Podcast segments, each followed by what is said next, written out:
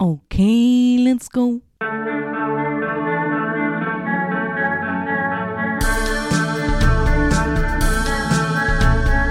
Nicolas Cage podcast. Nicolas Cage podcast. Na na na na. Vond je een film van Nicolas Cage leuk? Dan zou het kunnen dat hij in deze podcast zit. Nicolas Cage podcast. Na na na na. National Treasure. Hallo iedereen en welkom bij National Treasure, de podcast waarin ik, uw host Brandon Calais, iedere keer een film bespreek met Nicolas Cage. Nicolas Cage podcast.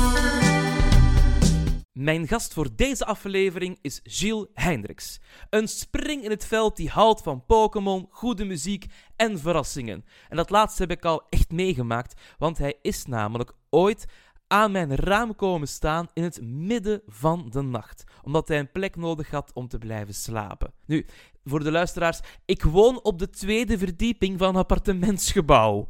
Dat is niet zo makkelijk om daaraan te geraken. Maar het is hem wel gelukt en hij heeft die nacht ook heel rustig kunnen slapen. Gilles heeft het hart echt op de juiste plaats en die plaats geef ik hem graag ook in deze podcast. Welcome to the Cage Stage, Gilles. Na na na na. National Treasure. Ik, eh, ik heb daar nog een verhaal over. En dat, dat, allee, dat brengt die mens niet echt in goed daglicht. Dat zeg ik er wel al direct bij. Ik eh, vermoed dat dit stuk toch uit de podcast geknipt wordt en dat Gert Verhulst ook niet luistert. Ik denk, allee, ik ga het zo zeggen. Als Gert Verhulst luistert, dan kom ik mijn verhaal graag vertellen in zijn talkshow of zijn podcast of wat dan ook het zal worden aankomend seizoen. Studio 100 eh, Pop-up Theater. Ja, voilà. Ik kom het vertellen live in Studio Pop-Up Theater. Studio- Ja, fantastisch. Nee, ehm, mijn ouders vroeger, die konden wel wat geld spenderen links en rechts aan leuke dingen, zoals ook ons meepakken naar Antwerpen, naar de Elisabethzaal, voor de Samson en Gert shows. Dus we hebben er zo'n paar gezien. En ehm, even ik maak nu al een zijtak.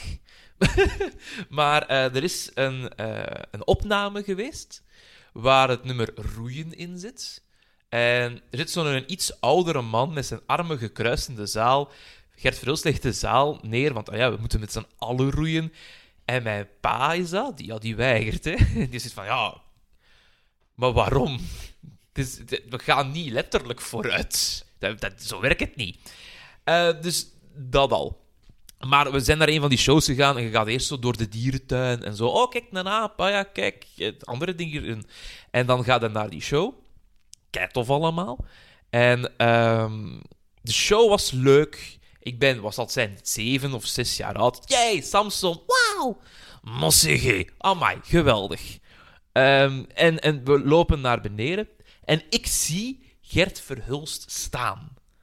Ik weet niet meer of die in de, in de lobby is, maar die staat daar opeens.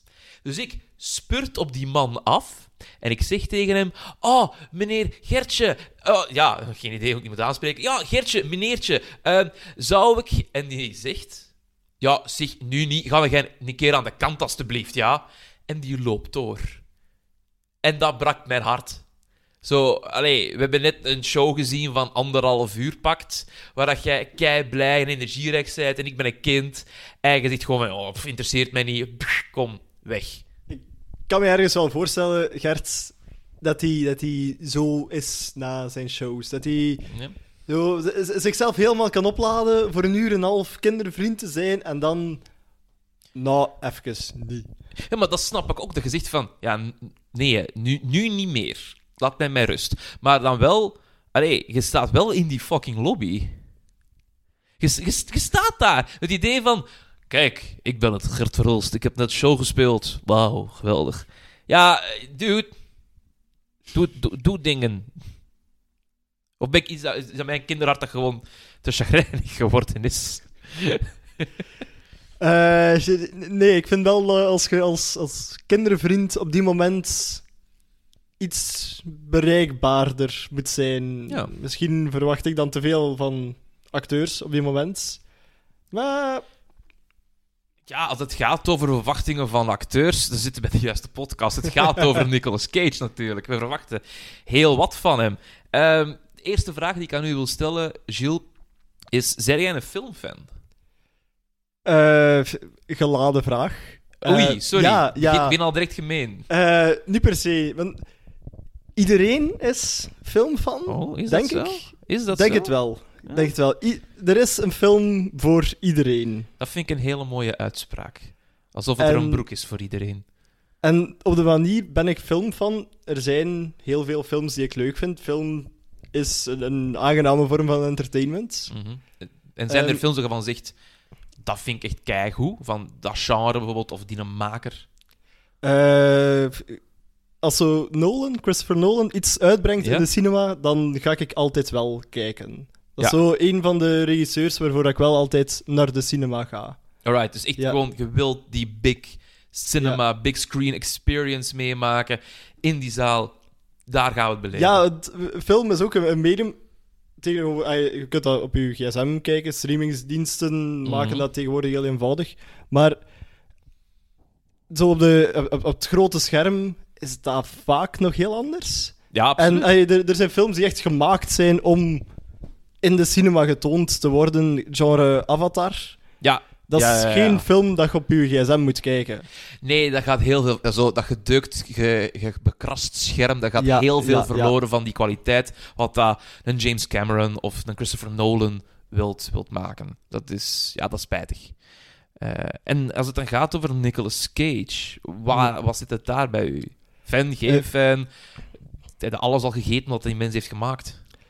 Eh, nee, nee. Eh, ik, ik, ik ga, ik ga gaten in mijn kennis eh, moeten laten zien. Dat mag. Ehm, ik was grote fan van National Treasure. Ja. Als ieder, iedere... Hoe oud was ik toen? ehm Sorcerer's Apprentice uitkwam? Ik weet het niet meer. Sorcerer's Apprentice kwam uit in 2011, ongeveer. Als iedere 12-jarige jongen van mijn leeftijd Waar, vond ik dat... Ik 12? was 12. Ik voel mij zo oud nu, Jesus. Eh, maar ja, die film die was ook ergens getarget naar mijn leeftijd. Ja, absoluut. En dat, dat was wel een moment. Mhm. Eh, iets dat leefde onder mijn leeftijdsgenootjes, mijn klasgenootjes. Mhm. Eh, maar verder is Nicolas Cage een, een acteur die voor in mijn hoofd vooral kent staat als die man van de memes. Die man van de... Ja, Ja, dat, ja, dat wel een punt. Het is wel ook die man van de memes, inderdaad. Maar ik vind het heel tof, eigenlijk, om, om deze film te bespreken. Even gewoon ik als host die zegt van... "Oh, deze is leuk. Ik heb het er al over gehad in het vorige seizoen. Namelijk, eh, deze film die we samen gaan bespreken, City of Angels, Mhm. is waarschijnlijk mijn eerste Cage-ervaring. Eh, wat dat bij u dan misschien Sorcerer's Apprentice is... Eh, ik denk het wel, ja. Ja, is Ja. dat dus bij mij deze film? Ja, ik was, wat zal het zijn, 11 jaar of zoiets, 12 jaar, in de zetel naast mijn moeder. City of Angels op VT4 nog in de tijd. Ja, dat heeft bij mij wel een indruk nagelaten.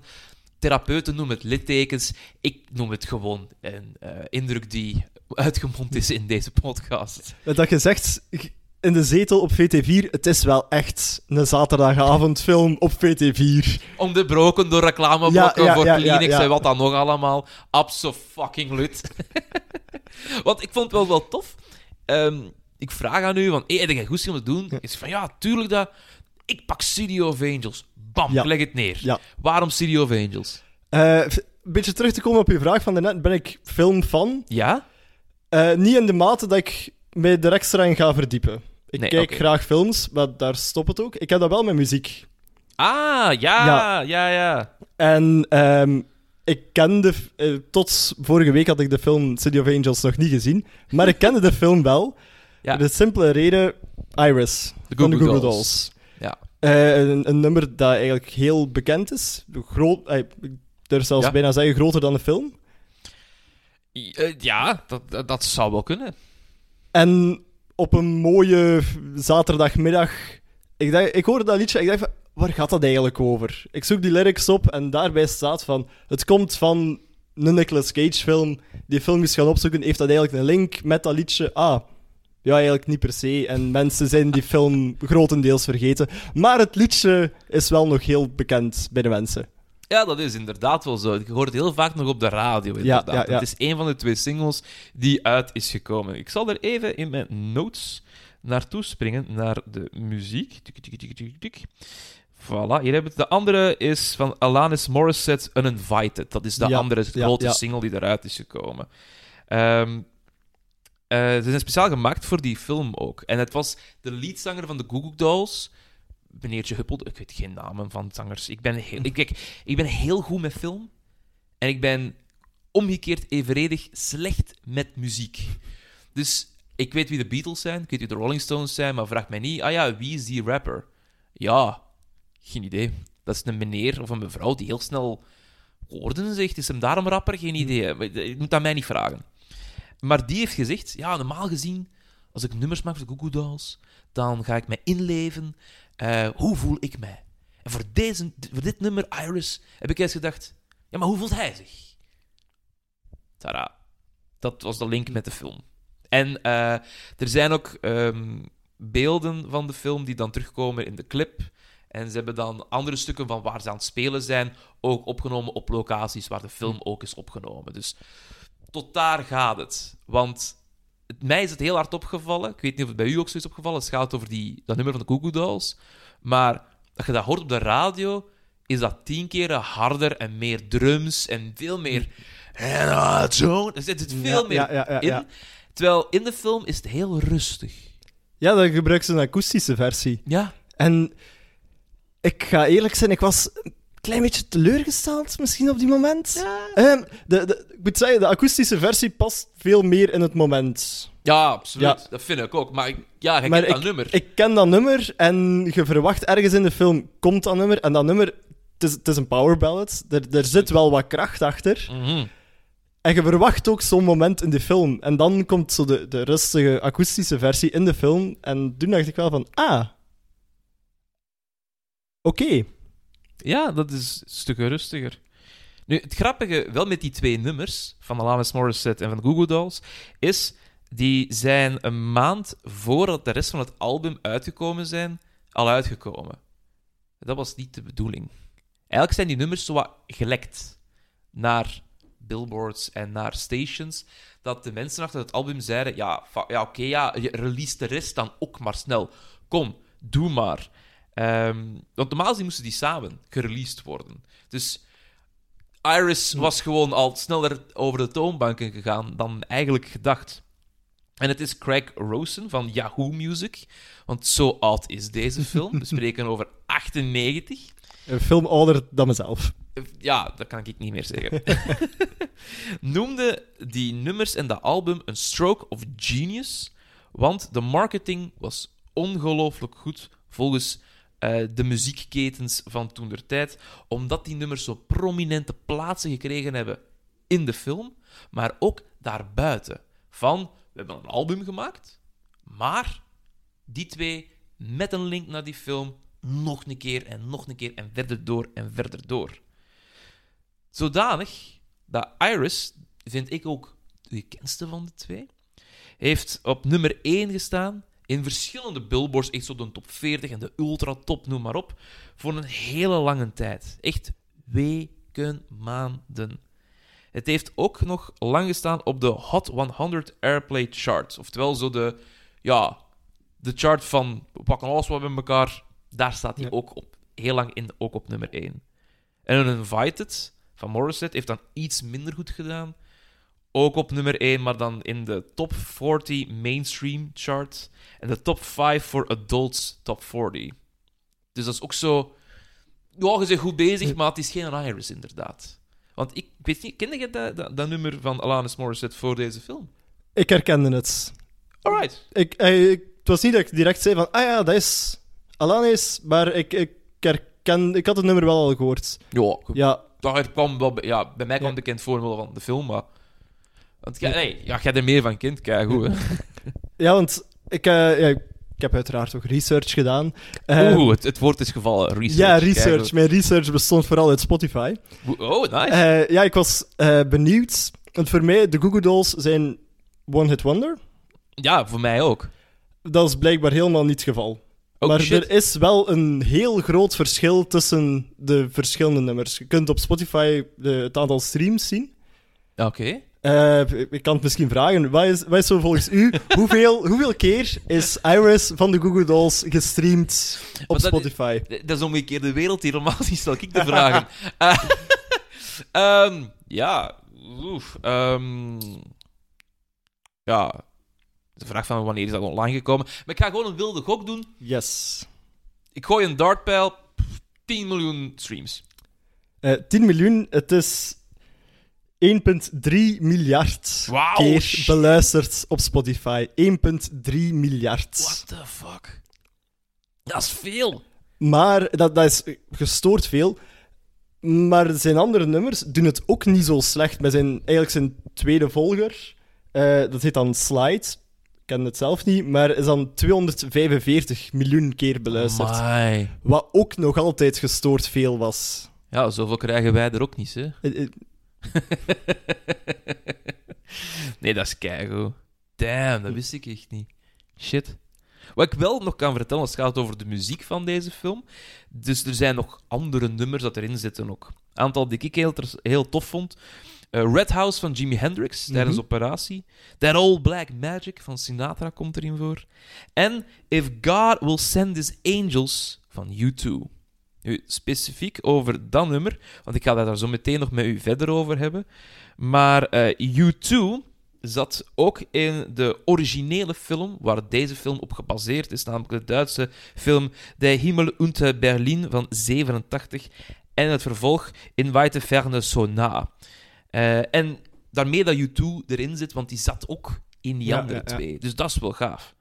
En de rest van de muziek, die, zelf, die gecomponeerd is voor deze film, is gemaakt door Gabriel Yared. Zegt die naam u misschien iets? die naam zegt mij weinig. De films waar hij aan heeft gewerkt, zullen u misschien meer zeggen. The English Patient heeft hij de muziek voor gemaakt. Nee, sorry. Dat is niet Sorry. erg. Ook nog een Oscar voor gekregen, trouwens. Hm. Eh, Troy, de film met Brad Pitt, die daar Ja. vecht. Ook muziek voor gemaakt. The Talented Mr. Ripley, ook gedaan. Cold Mountain en Amelia, over Amelia Earhart. Ehm, en het mooie aan deze muziek heb ik mij laten vertellen. Nogmaals, ik ken geen kloten van muziek. is, eh, er zit heel vaak een drie-noot compositie voor wat engelengevoel te krijgen. Dus het moment als dat klein kind in het begin doodgaat en eh, Seth, gespeeld door Nicolas Cage, neemt die mee. Horen zo drie notencombos, ook door heel de rest van de film, maar dat wordt dan in piano, in synthesizer en ook in de vocals. Dus het timbre van de stemmen wordt gebruikt als een noot in de grotere compositie voor nummers te maken, overgangen te doen, noem maar op. Vond ik wel hoogst indrukwekkend. Zeg jij iemand die veel let op de muziek tijdens het kijken van een film? Eh, het durft mij op te vallen. Ik ga, ik ga er zelf niet actief naar op zoek, Mhm. maar er zijn heel veel momenten dat, dat muziek gebruikt wordt om een scène meer gevoel te geven. Mhm. Of om meer kracht bij te zetten, en dan, dan valt het wel op. En eens dat het mij opvalt, heb ik vaak wel iets van, ja, goed gedaan. Goed Ja. gedaan. Ja, Is er, een composer waar jij van zegt, wow, die zijn werk ah, is gewoon steengoed. eh, de, de grote der aarde. Ehm, Een John Williams, een Ja, Hans Zimmer. ja, ja. Ja, dat zijn, ja dat, ik, heb, ik heb Zimmer nog live mogen zien, dat was wel gaaf. Eh, dat, is, dat is gewoon steengoed. Dat is keigoed. Ja, geen Zimmer hier. Het is een ander geweest. Nu, Hm. voor de mensen die misschien totaal niet weten waar dat deze film over gaat, City of Angels, ik zal kort een kleine intro geven tot de film. Je mocht altijd aanvullen, Gilles. Ja. Doe absoluut. Ehm, City of Angels gaat over Los Angeles, de City of Angels. En er zijn overal engelen. En die kijken, luisteren en nemen mensen mee naar het hiernamaals. En onze film begint ook in dat er een kind doodgaat op een operatietafel. En eh, de dokter die daar bezig is, is Meg Ryan. Eh, nu weten we echt hoe oud deze film is, want Meg Ryan zit erin. Allee, ze heeft mail gekregen wat een paar jaar later. Ongelooflijk. Het is een film met Tom Hanks. En onze hoofdacteur Nicolas Cage, oftewel de engel Seth, heeft het idee dat zij tijdens die operatie recht naar hem kijkt. En hij wordt op slag verliefd. En hij praat met haar. Hij probeert connecties te maken, maar hij kan niet voelen. Hij kan geen aanraking voelen, geen geur, geen, geen wind. Dat is allemaal weg. Dat is allemaal, ja, omdat je engel bent, er niet. Maar dan krijgt hij een, eh, ontmoet hij iemand anders, een man in het ziekenhuis. Ze krijgt een vriend erbij. En dat is een gevallen engel. En hij zegt: Je kunt vallen als je wilt. Dan kunt je voelen, honger ervaren. Het is fantastisch. Doe het. En dan valt hij. Want Meg Ryan gaat misschien trouwen met iemand anders en denkt van nee, je mag niet trouwen met een andere man, jij moet met mij zijn. Dus hij valt van een groot gebouw, hij wordt mens en geraakt samen met Meg Ryan. Daar eindigt de film niet, maar wel mijn korte intro. Het is een beetje... eh, wat denkt je? Eh, ik vind, qua, qua wereld, qua Ja? concept, vind ik, vind ik het een heel interessant iets. Van de, eh, de, de kijk op het bovennatuurlijke. Ik weet Ja. niet, wordt er in de film effectief een god, een hemel, een, een hel, wordt dat vernoemd? Nee, er wordt. Nee. twee keer het woord engel vernoemd Ja. in de film, niet meer. En dat is omdat zij die term gebruikt. En zij vraagt ook wel van, ja, eh, ik geloof niet in God of zo, wat dan ook. Maar de engelen gebruiken dat niet. Die gebruiken niet hemel, niet hel, niet boven, niet onder, niet good place, niet bad place. Nee, die hebben het over mensen kijken. En andere kant. Ja. En dat vind ik ergens een heel mooi gegeven van je, Mhm. en het is niet van het, stopt niet nee je wordt ge- begeleid naar het verdere Inderdaad. Eh, en dan het, hetgeen dat erbij komt van de engelen hebben zelf ook een vorm van vrije wil maar zij zitten eigenlijk vast in hun taak Ja, dat is waar. gewoon dat, dat concept zonder Mhm. dan daarop verder te gaan vind ik wel op zich een mooie wereld om een verhaal in te brengen Wel, Ik denk het, het logische, eh, de, het gebrek aan zintuigen Mhm. Komt automatisch bij wat dat, eh, het personage van Nicolas Cage dan eh, ervaart van ik wil voelen. Mhm. Ja, ja, ja, die, die noodzaak. Ja, Van eerst heeft hem dat helemaal niet, want hij is ergens content waar hij Mhm. is. Maar dan komt dat. Dat merkte door heel die film het gemis. Want het is op zoek gaan naar aanraking en naar ervaring van wat is het? Dat vind ik inderdaad ook zeer interessant. Hm. En ja, dat grotere gegeven. Dat, dat draait het eigenlijk allemaal Ja. om. Want de story zouden kunnen vervangen door iets anders, maar wel datzelfde gevoel kunnen blijven Ja. houden. Dat is wel hetgeen dat ijzersterk is. En dat is dus niet uniek. Dus dat is het, het, het grote ding van, van, van deze film. Hij is gebaseerd op Wim Wenders zijn Wings of Desire, oftewel eh, De Himmel über Berlin. Want eh, onze regisseur, Brad Silberling, eh, die heeft Casper nog gemaakt, uit, uit 87, nee, 97. En de film A Series of Unfortunate Events met Jim Carrey. ja, ja, ja. Dat is die mens. En die was daar grote fan van, van die film. En die had dus van... Ja, deze is de meest ongelooflijke cinema-ervaring in het observeren van menselijke gedragingen en handelingen en details ooit. Ik wil dat nog eens doen. Kan ik dat nog eens doen? Ja, dat gaat perfect. Dat kun jij nog een keer doen. En het was ehm Dawn Steele, een producer, die die filmrechten heeft gekocht om er een bewerking van te maken samen met Brad Silberling. Want die hebben zo wat companies gezien. Die zijn naar Disney gegaan en Mickey Mouse zei: Haha, nee! Dus die deden dat niet. Eh, Turner Entertainment ook. Dus van ja, pff, niet echt iets interessants. En dan zijn ze uiteindelijk bij Warner Brothers terechtgekomen Ja. om de film te maken. En omdat hij Casper had gemaakt, zeiden ze: We vertrouwen u.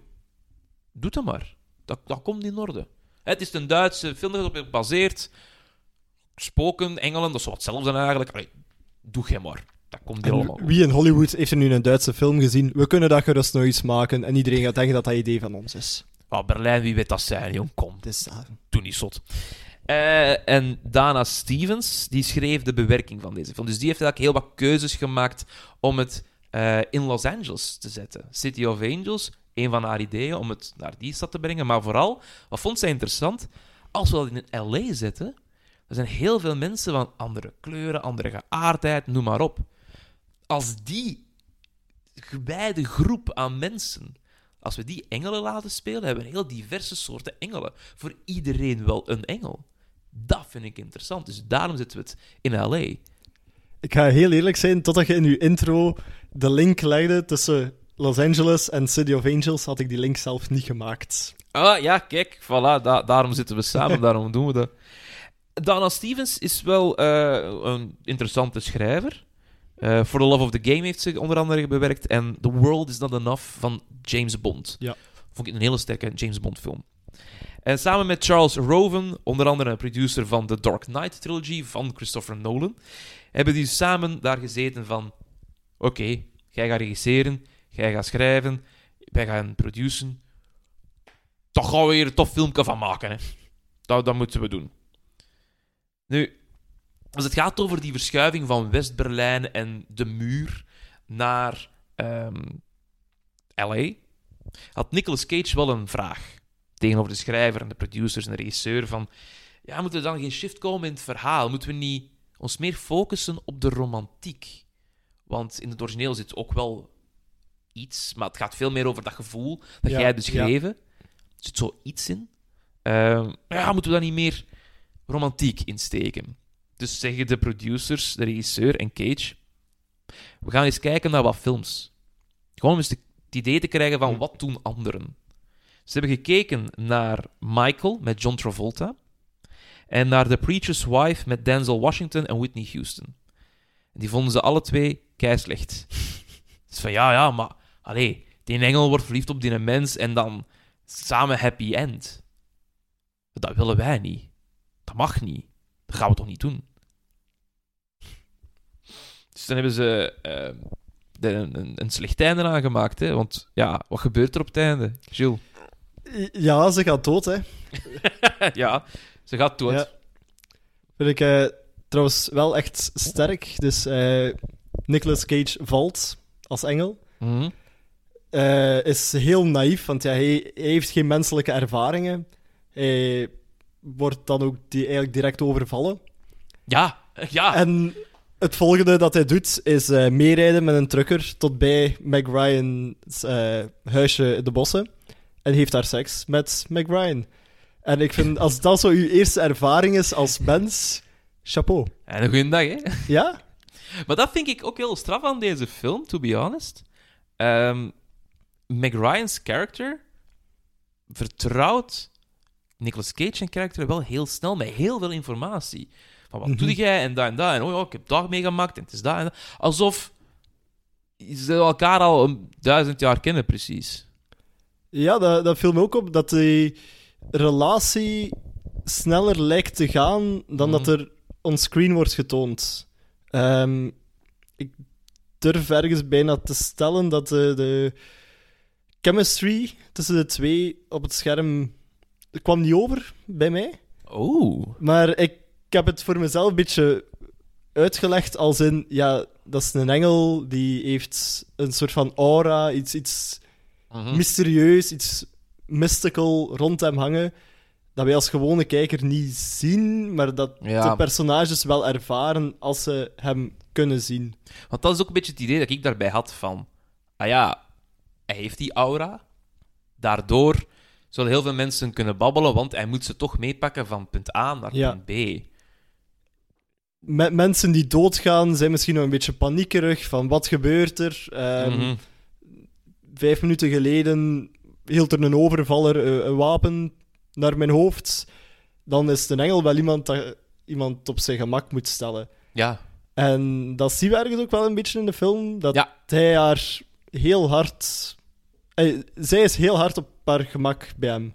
Ze wordt heel kalm en heel rustig, Ja. inderdaad. Ik vind het heel inderdaad goed dat je die link legt tussen eh, die overvalscène. Op een gegeven moment zijn ze in een supermarktje en Ja, they ja. gun. Niemand wil doodgaan, het gebeurt ook niet. Ehm, en zij die ook kalm en rustig wordt. Want ze, wordt, ze panikeert niet. Hm. Totdat ze begint door te vragen en erachter komt van ja, hij is geen mens. Mhm. Dan is even lichte paniek, maar verder, die is zo kalm als ziet, hè. Ja. Zot, ja, zot eigenlijk, vind ik dat. Nu, de studio heeft Silberling heel veel vrijheid gegeven, want ja, Casper was goed, doe jij maar. Maar ze waren ook te druk bezig met de Batman-franchise. Die waren net klaar met Batman Forever. Ja, die heeft goed veel geld opgeleverd. Dat was een keigoede film. Joel Schumacher zei, ik heb Batman gemaakt. Met Jim Carrey. Iedereen zei, dat is goed een Batman. Weet je wat? Doe jij er nog eentje. En we hebben een idee voor Batman. Was we George Clooney pakken. En we steken die in een pak dat hij zijn nek niet kan bewegen. Wat denkt u daarvan? Ja, dat gaan we doen. Fantastisch idee. Ja, dus dat is effectief gebeurd. Die studio was zo aan het denken van... Alright, we moeten met in een Batman Forever even nog afwerken. En dan Batman en Robin, dat gaat keigoed worden. Dus daar ligt onze focus. En City of Angels, ja, Duits... Het zal wel wel goed zijn. Dat doen we wel. Wat ik heel interessant vind... Want deze podcast gaat over Nicolas Cage, toevallig. Mhm. Is het acteerwerk van de Cage. Hij heeft in een interview ooit verteld... eh, in zijn eerdere werk heeft hij heel veel expressief bewogen. Hè? Echt grotesk spel.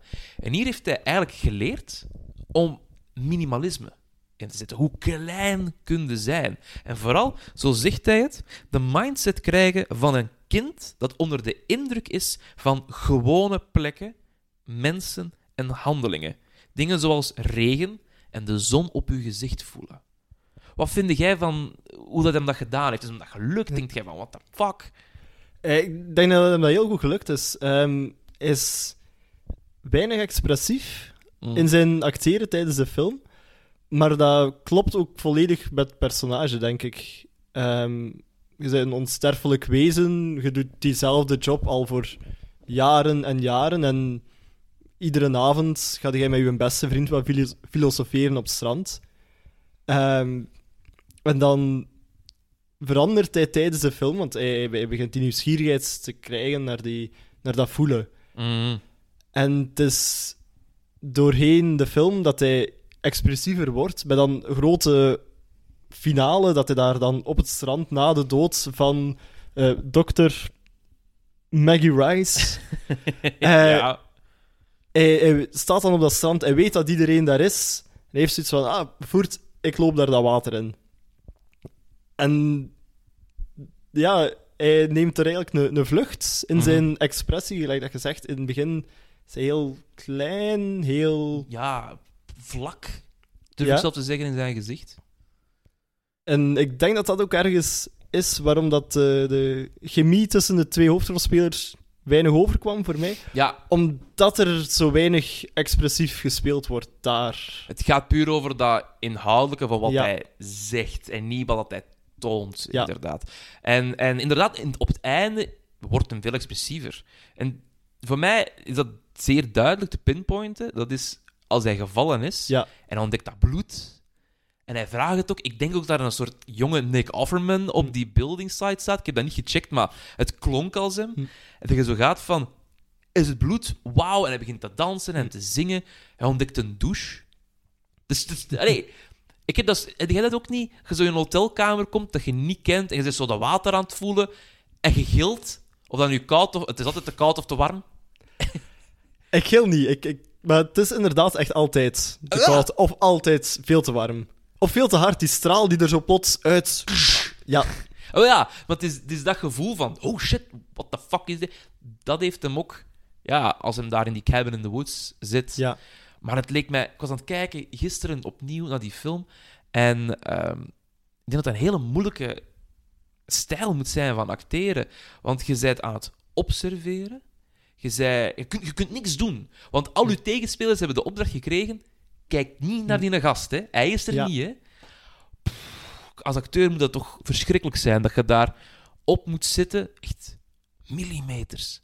En, en kijken. Observeren. Niet, niet te veel. Minder. Goed. Maar dat voelde voor mij ook dat, dat Ja. Die Duitse cinema daar ook wel in. Van, we gaan experimenteren met lichaam. Je hebt echt Duits expressionisme dat echt is van, ja, hoe luid kun je gaan, hoe groot kun je gaan. Hè? Nosferatu bijvoorbeeld. Ehm, en nu de, de andere kant. Hoe klein kun je gaan. Ja, ik, ik, ik zou het niet kunnen als acteur.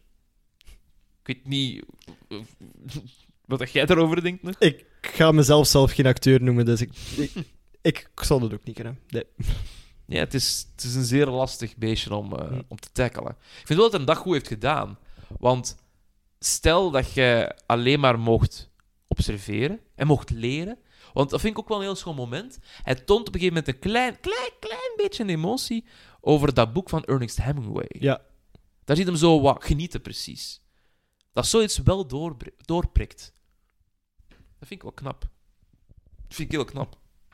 Ook trouwens leuk, dat heb ik pas eh, ontdekt bij het herbekijken van deze film. Namelijk, Andre Braugher zit hierin. Ja, die kende misschien, als je hebt gekeken Ja. naar Brooklyn Nine-Nine. Dat is Captain Holt. Inderdaad. Jong manneke, hè? Ja. maar 25 jaar oud, de film? Eh, ja, ja, eh, ja, zoiets zal het zijn. Ik kan geen wiskunde, dus eh, waarschijnlijk.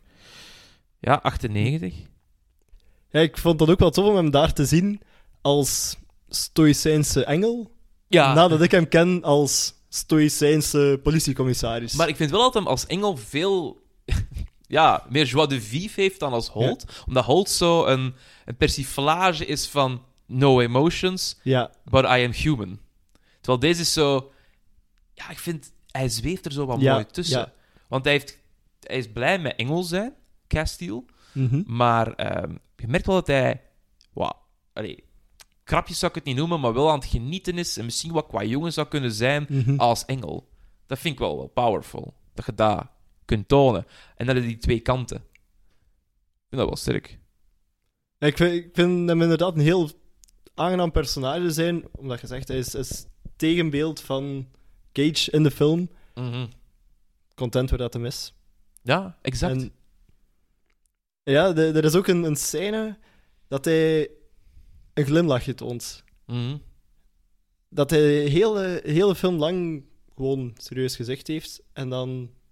Ik denk dat het is... Is het na de dood van Maggie? Ik ben niet 100% Na de dood van Mac, inderdaad, gaat dus Cage naar dat strand. Ja, En ehm, dus, eh, ze hebben eerst nog een gesprek met elkaar. En hij ontdekt daar, onze Castile, tegenover eh, Cage, zijn personage Seth, van hij heeft de juiste keuze gemaakt, Ja. hij is blij. En op het strand komt dat dan nog een keer terug. ja, hij ziet hem daar dan in het strand lopen en daar begint hij te lachen. En Hmm. de, er is iets aan die man te zien lachen als je hem kent als Holt. Als Ja, je hem ja, kent in de film. Dat is bijzonder om hem te zien lachen. Ja, dat is... En ik vind de, de momenten in de film dat ze allemaal op dat strand staan... Ja. Want voor hen is dat het enige moment dat ze iets ja, voelen, tussen aanhalingstekens. Ze horen de muziek opkomen. Ik vind dat wel sterke shots. Het Mhm. Ja. idee van, je hebt zoveel volk in die jassen gekregen om dat te gaan staan. Dat vind ik wel powerful stuff. Terwijl vaak als ze zo op die gebouwen zitten en zo... Ja, de, de CGI zie je er wel heel duidelijk van. Ja, stond nog niet zo ver toen als dat nu staat. Maar nee, het pakt En- zelfs denk ik een jaar of twee jaar verder. Want de Matrix kwam dan iets later Ja. uit. Ja, als het dan gaat over hoe maak je met computerfilm, dat was wel eh, scherper. Ja, eh, iets waar ik het ook misschien over wil hebben, is de namen. We hebben dan Ja? ehm Andre Browner als Castile. Yep. Ehm, Nathaniel Messinger, dat is dan de andere geval, gevallen engel. Ja, inderdaad. Eh, gespeeld door de geweldige Dennis Franz. Die, eh, dat zijn beide namen die voor mij redelijk bijbels klinken. Mhm. En de eerste keer dat ik de naam Seth hoorde als engel, moest ik een beetje lachen. Omwille van... Omwille van, we hebben een, een bijbelse figuur, een engel, die Ja. mensen begeleidt naar het hiernamaals, wat dat ook mogen zijn. En zijn naam is Seth. Ja, De, dat prikkelt u. inderdaad, inderdaad. Wel, dat vind ik dan wel weer goed aan deze film. Ze zeggen niet het is katholiek of het is eh, boeddhistisch of wat dan ook. Het is gewoon. Punt. En Seth komt voor mij zeer bekend voor uit de Egyptische mythologie. Er is ook een godheid en die heet Seth. En ik, mijn partner gaat mij schoppen, hè. maar volgens mij had die wel iets te maken met de dood. Ik weet dat Anubis de god van de dood en de onderwereld was, maar volgens mij heeft Seth zo een steek of... Allee, de god van steken geven. of, of boodschappergod geweest. Je Maar je- je berichten over krijgen, over dit moment. Oh, fuck ja. Oh, Ja, tuurlijk dat. Dus st- stuur ze. Je weet waar we zijn. Spotify, Google, Apple en YouTube. Gooi het in de comments, jongens. Doe gewoon. Eh, maar ik denk dat het daar ergens in ligt. In ehm, Messenger, dat als achternaam, ja, gewoon boodschapper, Ja. inderdaad. Eh Cassiel, ietske christelijker. Seth dan weer ietske Egyptischer. Ja, Maggie Rice, ik weet ook niet waar wat die rijst heet, maar lekker. Ehm, niet dat, geen grensoverschrijdend gedrag, maar gewoon rijst is lekker. Maar verder weet ik het ook niet. Ik denk, ja, Ja, bij de naam Seth kom ik ook niet verder dan zo de Amerikaanse Seth. Seth MacFarlane, of wa- wat? waarbij, waarbij ik spontaan denk aan zo eh, American High School Ja. eh, jock-type. en dat kon ik zo niet samenplaatsen met een engel. ja een, een, Ja. een celestial being. Ja. Ja, Egyptische goden, meer ga ik het dan Ja. niet ophouden, want schoppen. Wat trouwens wel grappig is, ik heb nog een vraag voor u. Eh, welke editie hebt jij gezien? Want er zijn er een paar. Eh, ik wist niet dat er verschillende edities waren. dus ik weet ook niet waar het verschil tussen verschillende edities ligt. Let me eh, tell you something. Er is, zijn dvd's met extra's op te zien. En soms Ja. worden die er wat ingesprokkeld. Namelijk, er is een scène waarin Seth Mackie bestudeert terwijl ze bezig is met haar bad klaar te zetten. Zo kraantje open, ja. erin. Eh, er is ook een scène waar dat Earl, de hond, speelt dat trouwens zeer goed in een hond, eh, uit bed stapt. En daardoor wordt Maggie wakker, steekt een licht aan. En dat vond ik wel creepy. Dus die steekt een licht aan en die ziet Seth op dat bed zitten. Zij kijkt rond. Van, ah ja, er is hier niets. Licht uit. En dan verdwijnt hij ook weer. Zo, ik kijk naar jou terwijl je slaapt. Eh, Dat vind ik een beetje creepy. Ja, inderdaad. in, in de eerste helft van de film Mhm. is ehm Seth vooral aan het kijken naar Maggie. En Echt gewoon zoals dat hij moet doen. Observerend. Of zeg je al van... Wat gaat er al wat over? ja, ik vind het, ik vind het vreemd. Hij, is heel geïntrigeerd door haar. Mhm. Ja, dat is waar. Ergens gemotiveerd waarschijnlijk door... door ik, ik voel iets. Want ja, vanaf het eerste moment dat hij haar ziet, die, die blik, hij, hij is vanaf begin smoor verliefd op haar. It's gone, hè. Het is, het is, het is aan. Maar als ik iemand op straat zie en ik denk, ik ben smoor verliefd op u, en ik ga in dezelfde mate haar bestuderen, Ja, maar jij bent een mens, hè. ik ben een mens. Jij kunt En niet zo gaan, zo ik pak je schouders een keer vast en ik maak je wat kalmer. Nee, dan word je gewoon aangesproken als laat mij een keer los, rare meneer. Ja, en ik denk zelf als ik mezelf onzichtbaar kan maken, feels wrong. Kinda does. Ja. Does. Wat kan er nog anders zijn? De operatiescène eh, kan een paar seconden langer geweest zijn.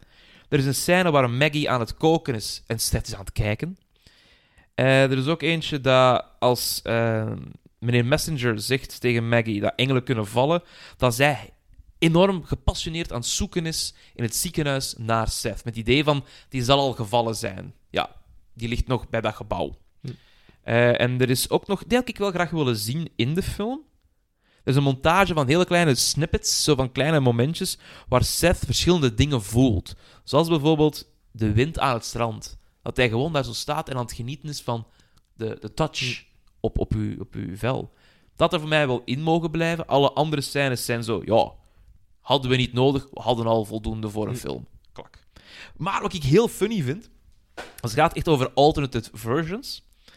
In Nieuw-Zeeland hebben ze op TV One ooit een, eh, de film vertoond, maar in een kortere versie van een paar minuten. Wat hebben ze eruit geknipt? De seksscène tussen Seth en Maggie. Waarom? Ja, dat kon toch niet voor daytime broadcasting? Dus ja, TV One had zoiets van: ja, wat, wat moeten we doen op een, op een middag? Oh, draai jij City of Angels een keer? Oh, wacht even, die scène haalde er wel uit, hè? Oké, goed, doe maar. Oké, ja, dus... Dus, dus je hebt de seksscène wel gezien, of niet? ik, ja, Dan heb je de, de volledige versie gezien. Heel goed, mooi. Ja, ik weet niet of die scène wel mooi was. Dat vond ik een beetje raar. ja, ja. Want ik snap, het- ik snap het wel in, in, op papier. Van, nou ja, Engel voelt voor de eerste keer seks. Daar moet iets mee doen. Maar het komt niet goed over, vind ik. Ja, ik, ik zou zelfs bijna durven stellen... Hoef, hoefde de scène? Want de, de, Mm. ik had al de, de algemene ervaring van... Hij voelt... De, de ervaringen ervoor van hij voelt regen, hij voelt pijn, hij voelt hoe dat het is om overvallen te worden. En dan komt hij bij Maggie, de liefde van zijn leven, en dan heb je nog al die andere ervaringen die je hebt bij iemand dat je graag ziet. Ja. En ja, op die moment. Ik had niet het vermoeden van, ah ja, nu gaat er een, een seksscène komen. Ik had een, intieme, een intiem moment verwacht. Mhm. En inderdaad, gelijk dat je zegt, de seksscène kwam er dan ook misschien een beetje raar uit. Ja, omdat ik, ik zit op dezelfde bandbreedte als u. Hè, van, ik denk dat die intimiteit, vooral het feit van, ja, hij is letterlijk gevallen voor haar, Ja. dat dat wel iets betekent. Dat dat wel schoon is en dat je van daaruit dingen gaat opbouwen, vooral voor hem. Van, begin dingen te ervaren. Doe dat maar. Maar daar voelde het voor mij zeer verkeerd aan. Want ik zat van, moet het al zo snel gaan? Dat weet ik niet. Ik snap de keuze wel, omdat zij hebben seks en pal daarna gaat zij met de fiets weg, wil terugkomen en ze is dood. Dus het is een soort van piekmoment met je diep dal. Dus dat snap ik wel weer op papier, maar niet in praktijk. Hoe is het trouwens met Age of Consent met Engels? Eh, Begint je te tellen van wanneer dat ze zijn beginnen... bestaan? Ja, dan is hij echt heel veel te oud voor haar. Begint het te tellen vanaf het moment dat hij gevallen is. Dan is ja, hij veel te jong voor haar. Oeh. Eh, laat mij dan eh, de, toch veilig spelen. Laat ons zeggen dat hij veel, veel te oud is voor haar. Want Ja, onder de, ja. de ja, De- dus- Belgische praktijken, dat gaan we niet doen. Moreel verkeerd, maar legaal. Ja, van, en ik heb liever ja. legaal dan illegaal. Ja, Daar ben ik ja, geen fan ja. van. maar interessante vraag. Nu, wat ik altijd heel interessant vind, en ik, dat is een vraag, echt een, een, een belangrijke vraag, vind ik ook. Ehm, ik heb met heel veel mensen al hier gezeten, komt er nog. En ehm, reviews. Dat is een vaste vraag die ik stel, omdat dat meestal wel iets kan zeggen. Hè, we gaan het er zo meteen ook over hebben, over alle, over niet alle, maar vele reviews die gepasseerd zijn. Maar hoe belangrijk is een review voor jou als, als filmfan? Ik ga dat zelf nooit actief opzoeken voor de film. Mhm. Maar het, ja, het gebeurt gewoon geregeld dat een review binnencijpelt voordat je de kans hebt gekregen om een film te zien. Ja. En dat kan dan wel een beetje de, de moed killen. Ja. Ey, ik ga geregeld al eens een Marvel-film kijken in de cinema. Mhm. En er zijn er de laatste paar jaar wel een aantal geweest die een beetje tegensloegen. En als ik merk van, oei, de algemene perceptie is precies toch niet zo super positief. Ah ja, dan Mhm. wacht ik wel totdat hij op- Disney Plus of zo staat. Ja. Snap ik. Dus je laat u wel, omdat het binnenkomt, laat u wel ergens Ja, ja. En zij is zelf iemand die... Stel nu dat jij een film hebt gezien, ik nog niet. Zou jij dan zeggen van, ja, pff, ik zal u even vertellen hoe, waarom je moet zien of waarom niet je moet zien? Zeg jij iemand die kan zeggen, ik laat hem aan, ik laat hem af? Of hoe doe jij dat? Eh, ja, als een film geweldig is, moet heel de wereld die gezien hebben. Hè. Dat snap ik. En dan gaat hij ook Ja. gewoon, gewoon verkondigen van... Zie hem, nu, in bioscoop. Ja, en maar dan ook wel van, zie hem, hij is fantastisch, maar ik kan nog niet zeggen waarom. Oeh, oh, dat vind ik wel goed. Dat je die spanning erin wilt houden van... Just experience it. You're just gonna love it. I ja, know. je, mag niet zeggen van, er gaat echt een fantastische plot twist komen. Ja, nee, dan verwacht hem al, ja. Nee, dat is keigoed. Want dat vind ik een hele lastige, want ik heb al heel veel mensen gehad die zeiden van, ik laat me daar totaal niet door leiden. Dat snap ik. Andere mensen zeggen van, ik ga ze expres uit de weg, snap ik ook. Ik vind reviews wel leuk, omdat ehm, ik heb een mening, jij hebt een mening. En ga eens kijken, overlapt dat ja of nee, en waarom wel en waarom niet. Nu, de vraag is natuurlijk, heeft deze film het goed gedaan? Ik ben de reviews gaan opzoeken na het zien van de film. Oeh, yes! Ja, Kom En- maar, kom maar. Die vielen een beetje tegen. Als in-. Ze vonden hem niet expliciet slecht. Mhm. Ze vonden hem, ja, oké. Wel. Eh, als de film een hogeschoolstudent was, was een hogeschoolstudent content en zijn ouders niet.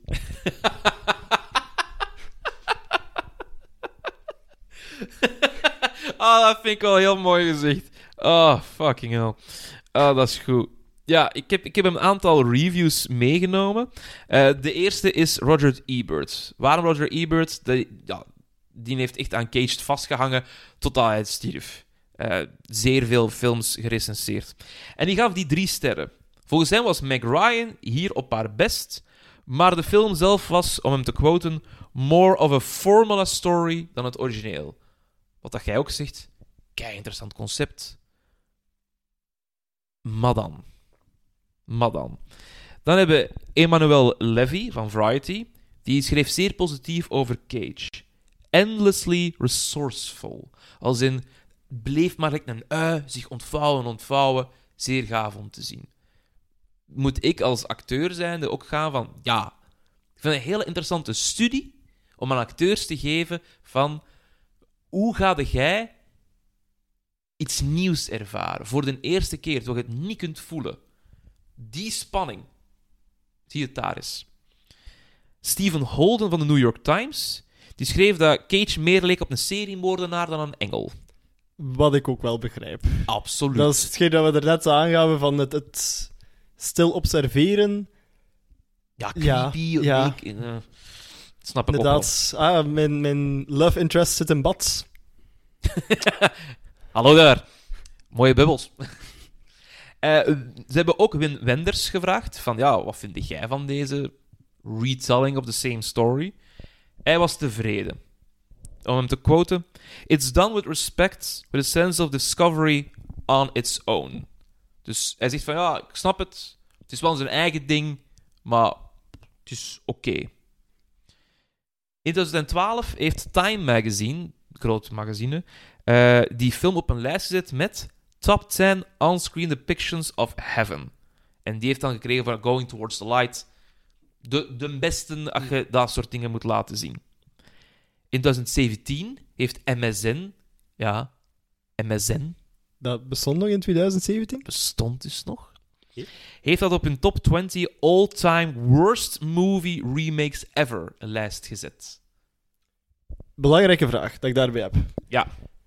Hoe hebben ze dat bekeken? Als in, kijken ze naar het de originele film en de remake is zoveel slechter dan de originele film? Exact. Dus Ze kijken naar wat is het origineel. ja, Voor, ja, je, je hebt heel veel remakes die gemaakt zijn. The Wicker Man bijvoorbeeld ook met Cage is ook zo een, een remake. En dan gaan ze kijken van, ja, maar ja, hoe verhaalt dat zich naar diezelfde story? Want je hebt nu een nieuwe film gemaakt, hetzelfde titel of hetzelfde concept. Doe het maar eens. Stel dat je dat nu zou doen met al die nieuwe Disney-films en de eh, cartoons. Gaan zij eens naar de cartoon kijken en dan naar het origineel en zeggen, vind dat beter of slechter? En eigenlijk mogen we dat niet doen. Ja, want ik heb de originele film niet gezien. Als dat een geniale film was, kan ik het ergens wel zien dat deze film in de lijst komt. Ja. Als het gewoon als op zichzelf staande film ga kijken, zou ik dat heel erg gemeen vinden en niet terecht. Goh ja, ik, ehm, ik snap wel ergens dat je zegt, als remake of als retelling, ja, wat zijn we aan het doen? Want er zijn grote verschillen. Bijvoorbeeld, hè, in het origineel zijn alle engelen in zwart-wit afgebeeld. Hier zijn ze in het kleur. Zo, een van de weinige dingen die overgebleven zijn, zijn de bibliotheekscènes.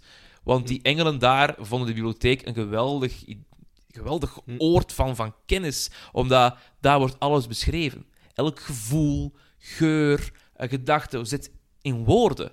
Dus daarmee vinden die engelen een bibliotheek fantastisch. Want daar gaat het allemaal halen.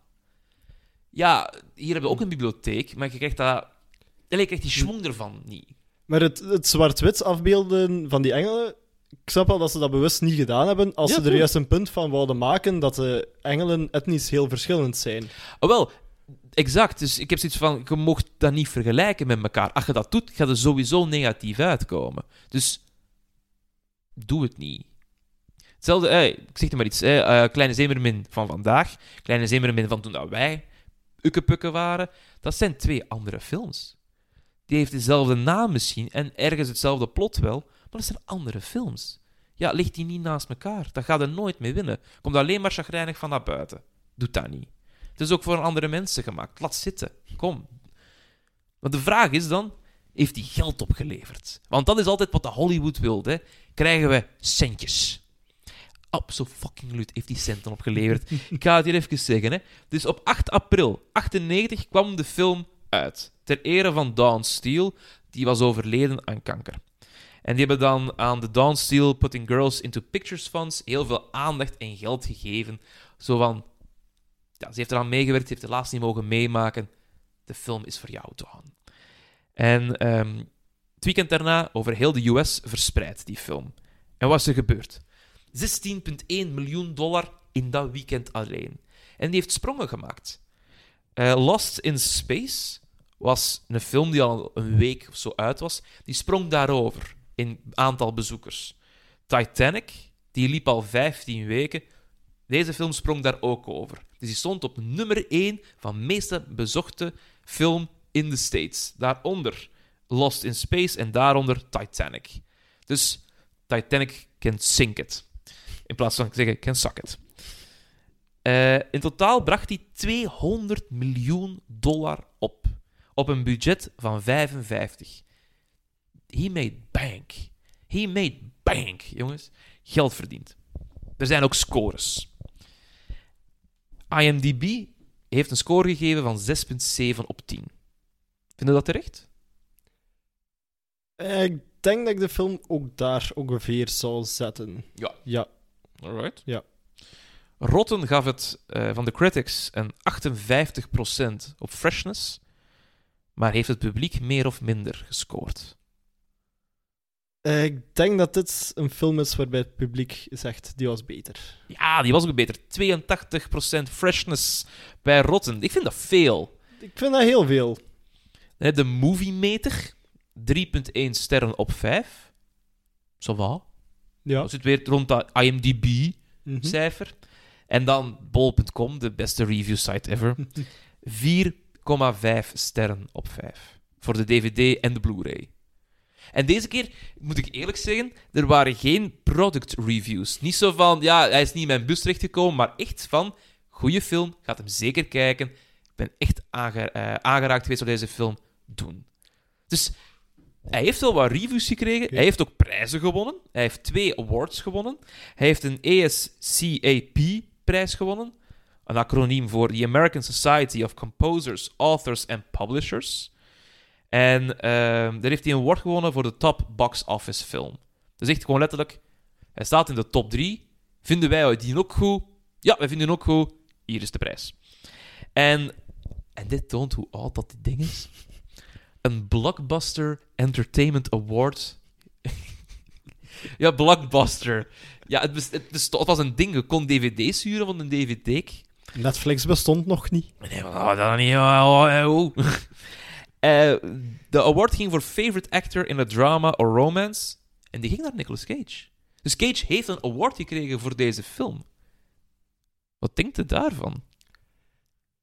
Ik denk dat dat wel terecht is. Ja, dat kan. Maar ik bedenk wel dat hij niet echt getoond wordt als ehm, lovable personage. dat kwam er misschien verkeerd uit, maar hij- You're hij, so lonely. hij- hij is geen Ryan Gosling. Oh, nee, nee, nee, nee, nee. Hij is geen Ryan Gosling, inderdaad. Thank God, ergens ook wel weer. Ik vind Ryan Gosling goed, hè, daar niet van. Maar ik ga geen podcast starten over is Ryan Gosling goed. Ja, sorry. Ja, sorry, ik kan niet alles doen. Doe jij het, hè? Kom ik af. Ja, is goed. Ik zal oprecht, een van mijn favoriete Ryan Gosling eh, films is de laatste Blade Runner. Ik vind die steengoed. Heb je die gezien? Ik heb die niet gezien. Oh, ik heb nog geen enkele Blade Runner film gezien. Oh, je moet dat zien. Dat is keigoed. Like Tears in the Rain in de eerste. Dat is met Harrison Ford. Dat is keigoed. Ziek goed. Ehm, nee, Cage, ik vind hem wel als acteur sterk in deze film. Ja. Maar ik snap wel dat je zegt, hij is niet... admirable. Nee, dat is hem absoluut niet. Omdat... Dat is ook het doel voor mij niet Nee. in deze film. Allee, als fan, hè. Niet gaan van, wow, Cage. Nee. Case study. Zeer interessant om te gaan kijken van, hoe heb je deze gedaan? Dat vind ik er het gave aan. Naast het emotionele van, het is mijn eerste Cage-film. Maar als acteur denk ik van, oh, ik wil dat ontleden. Compleet. Lijkt me keigaaf. Het was zijn enige, enige solo-nominatie voor deze film, die Blockbuster Awards. Hij heeft ook samen met Meg Ryan nog een nominatie gekregen voor Best On-Screen Duo. Waar jij ook al van zegt, ja, ik vind die chemie niet echt werken. Ze hebben hem ook niet gehaald. Absoluut niet. Meg Ryan heeft nog twee nominaties gekregen voor een Blockbuster Award en een Saturn Award. Die bestaan nog altijd, Saturns. Ehm, heeft ze niet gekregen, niet kunnen verzilveren. Dus twee prijzen voor deze film. Ik denk ook wel dat er meer in zou kunnen gezeten hebben. Ik denk, als je hem nu vandaag zou maken, zouden daar veel leukere dingen mee kunnen doen, denk ik. Ik denk ook als je hem vandaag zou maken, dat de pacing helemaal anders gaat zitten. Dat denk ik ook. Ik was een film aan het kijken en ik heb hem ook wel ervaren als een lange film. Ja? Ja, Omdat hij, ja, sleept misschien Ja. nogal te veel. en ja, redelijk snel heb je door van, oké, er is een optie dat hij gaat vallen. Hij gaat vallen. Ja. Maar op die moment dat je de klik legt, denk ik dat het nog een vol uur duurt voordat hij effectief de sprong maakt. Mm, ja. En ik denk dan nog een half uur voordat de film effectief gedaan is. De, de- in timestamps kan ik het u niet zeggen, maar ehm, het duurt wel lang voordat hij effectief valt. Dat kan ik wel zeggen. Ik had ook zoiets van, nou, je weet dat je kunt vallen, hoeveel push heb jij nog nodig Ja, om dat te doen? Nu, een interessant weetje nog. Ehm, in plaats van Nicolas Cage, was het misschien Johnny Depp geweest die deze rol had gespeeld. Zou dat een betere casting voor u geweest zijn? beter durf ik niet zeggen, maar ik ben er wel redelijk zeker van dat hij dat goed zou doen. Kan. Ik heb geen idee. Het zou kunnen. Ik zie hem... Want allee, in 1890 zat heel veel vast dan met Tim Burton. Die heeft echt wel chique dingen gemaakt Mhm. onder Burton. Het zou wel kunnen. Ja, met Meg Ryan... Dat weet ik niet. Ik, ik, ik zie het niet voor mij, maar ik, ik geloof wel in hem. Ik geloof dat Johnny Depp Ja, dat soort case studies ook kan. ja dat denk ik Ja. ook wel. Hij heeft ook wel hele ja, schone experimenten gedaan. Ja. Vind ik echt wel. We gaan langzaamaan naar het eh, einde. Ehm, ja, helaas. Ehm, Ah, er maar- is iets waar ik het met u nog over wil hebben. Ja, Ja. echt? Alright, Ja. shoot. Het personage, ik weet zijn naam zelfs niet meer, maar de andere dokter. De andere, ja, de, de, de man waar Ja. dat Meg Ryan dingen mee wil doen. Wat vind jij van dat personage? Eh, het is Jordan Ferris, gespeeld door Colm Feore. Eh, ik vind hem verschrikkelijk. Ronduit verschrikkelijk. Hij is voor mij zo het echt type van: ik ben lui en ik heb eigenlijk geen zin in een relatie, maar we zullen maar trouwen en dingen doen, want dat wordt van ons verwacht. Ik denk, oh man, zelfs als jij het dan niet tof vindt, ga dan naar huis, hè, jong, kom. Dief een eind op. Dat vind ik, ben ik, veel, ik ben veel leuker dat Cage dan inderdaad ermee samengeraakt.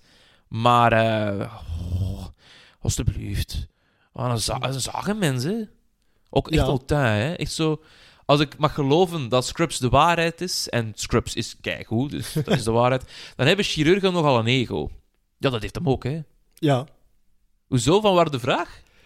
Eh, dat personage viel mij op in de eerste instantie van wat is die persoon zijn rol binnen de film? Ja. Eh, wat is die persoon zijn relatie tot Het verhaal. ja en tot Maggie? Want werd dan zoals gezegd van ze hebben een relatie, maar ze zijn niet committal. Ga, goede vraag, hè. Ik denk dat hij daar is neergezet geweest als push. Dus waar wij van denken, hoeveel heb jij nog nodig dat je effectief gaat vallen? Ja, wanneer valt hem? Als dat huwelijksaanzoek gebeurd is. Ik denk dat dat de reden dat hij erin zit. En ik snap dat. Ik snap dat heel goed. Maar dan had je meer in die relatie moeten steken. Echt gaan van, het is een koppel en die zijn wat vervreemd van elkaar zodat dat zij liefde ergens anders probeert durft te zoeken, bij Nicolas Cage, hè, onze Seth, en omwille van zijn aura vertrouwt zij die helemaal en is aan het twijfelen over haar relatie. Hij ziet dat, dus die andere dokter, en hij maakt een push Van oké, ja, ik zie dat je wat afstand van mij neemt, maar I'm gonna double down. Laat ons trouwen. Zij zegt misschien zelfs ja, wie weet. En dat hij dan, als hij gevallen is als engel, ja, die moet winnen. Dan heeft hij haar gewonnen en dan dood. Dat lijkt me dan intenser, wat compacter. Ik ben geen films aan het pitchen nu, hè, maar eh, City of Angels 2, More Angels than City, het kan, hè. Nee, inderdaad. eh, ja, voor mij kwam het wat over van, ah ja, ze hebben eigenlijk alle twee niet echt tijd voor een relatie. Mm. Ze zijn bij elkaar in de buurt, een mens heeft wat liefde nodig. en dan op het moment van, ja, weet je, we zijn de dertig al gepasseerd, gaan we anders trouwen. Zo dat ding dat je in sitcoms ook ziet Ja, van... ja. Ja. jij 30 bent en ik ben 30 en niemand van ons is getrouwd, zullen wij het dan doen? Ja, ja. Ja, dat snap ik wel. Want er is ook niets van romantiek tussen die twee. Nee. Er is van, ah ja, ik aai jouw hond. ik ben iemand die bij je thuis komt en jouw hond vertrouwt mij. Dus het is duidelijk dat ik hier al vaker geweest ben. We slapen samen in een bed voor één scène van misschien 10 seconden. Dus we hebben een relatie. Inderdaad. Oh. Wat ik trouwens nog eh, als weetje wil meegeven, dat vind ik wel tof. Eh, als Maggie voor de eerste keer aan Seth vraagt: Wat doe jij eigenlijk? Zegt hij: Ah, ik ben een boodschapper, ik ben een messenger. In het Grieks is het woord boodschapper angelos. Oftewel angel. Los Angeles. Angel, het heeft er dus mee te maken. Boodschappers zijn dus engels. Wauw, ongelooflijk. Is Eh, dat dan ook dezelfde link met personage Messenger? Ja, hij is een messenger. Mhm. Hij zegt het ook, hè, van ja, it's messenger, like messenger, but with an eye. Dus dat vind ik ook wel weer... Ah, goed zo. Ja. Dat, van dat soort dingen word ik kei blij, hè. Maakt mij zeer happy. Maar als het gaat over happy, ehm, I'm quite sad now. Want we gaan het wel echt moeten afsluiten, beste Gilles. Eh, en ik eindig categorisch met eh, één vraag, namelijk de slotvraag. De laatste vraag der vragen. Podcast heet National Treasure. Na het zien van City of Angels, wat is uw mening? Wat denkt jij? Is hij nu een national treasure? Is hij een treasure? Is hij een international treasure? Is hij garbage? Qu'est-ce que tu penses? Als acteur zijn je altijd gebonden aan de film waarin dat je speelt. En je kunt het, je kunt het zelf fantastisch spelen. Mhm.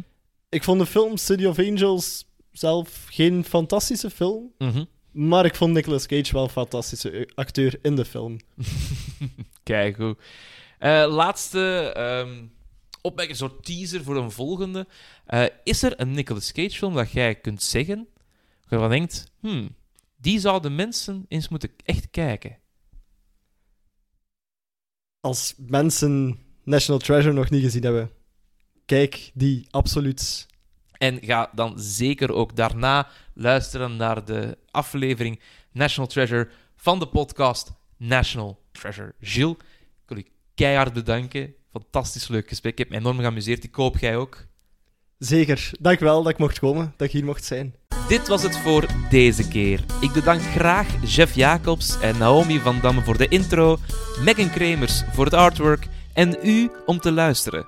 Graag tot de volgende keer when we will capture lightning in a cage. Nicolas Cage podcast. Na na na na.